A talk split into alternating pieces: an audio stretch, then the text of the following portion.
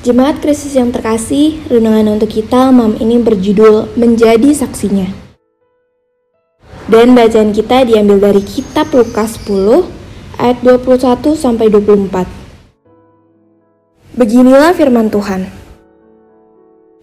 Pada waktu itu juga bergembiralah Yesus dalam Roh Kudus dan berkata, Aku bersyukur kepadamu, Bapa Tuhan langit dan bumi, karena semuanya itu engkau sembunyikan bagi orang bijak dan orang pandai, tetapi engkau menyatakan kepada orang kecil.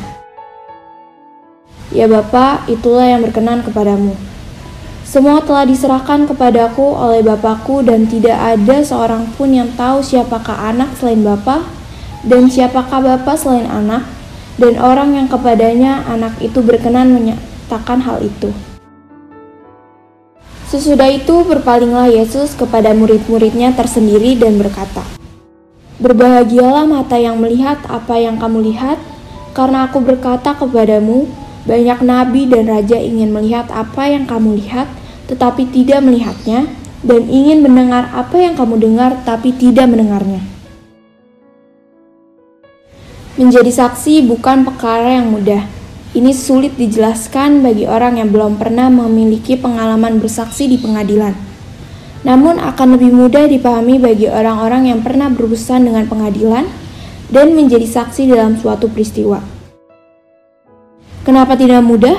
Hal ini tidak mudah karena perkataan saksi akan dilihat sebagai sesuatu hal yang dapat dipercaya.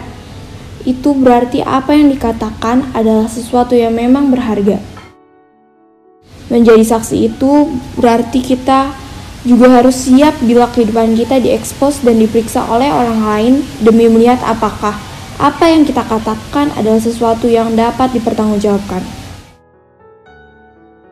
Dan kita sebagai orang Kristen tidak bersaksi untuk sesuatu yang remeh, melainkan untuk kebenaran Allah yang tersembunyi bagi orang-orang yang tidak mengenal Kristus. Namun demikian, Kristus tidak melihat itu sebagai beban yang berat yang harus dipikul oleh anak-anaknya. Justru Kristus ingin kita berbahagia karena menjadi saksi bagi pernyataan Allah terhadap manusia. Oleh karena itu, sikap cara hidup dan perkataan kita harus mencerminkan seorang yang saksi kredibel. Jangan sampai orang menyaksikan kesaksian kita tentang Kristus karena hidup kita sama sekali tidak menunjukkan bahwa kita mengenal dan menjadi muridnya. Apa yang dinyatakan Kristus bukanlah sesuatu yang sepele. Oleh karena itu, berjuanglah untuk hal itu. Jadikan semua peristiwa yang terjadi dalam hidup kita menjadi tempat kita belajar, semakin mengenal dan sekaligus mewartakannya. Sukacita kita adalah saat orang dapat bersyukur mengenal Kristus melalui apa yang kita lakukan, dalam segala keterbatasan yang kita miliki. Demikianlah renungan malam ini, semoga damai sejahtera dari Tuhan Yesus Kristus tetap memenuhi hati dan pikiran kita. Amin. Jemaat yang terkasih, marilah kita bersatu hati menaikkan pokok-pokok doa yang ada dalam gerakan doa 21 GKI Samarinda. Marilah berdoa.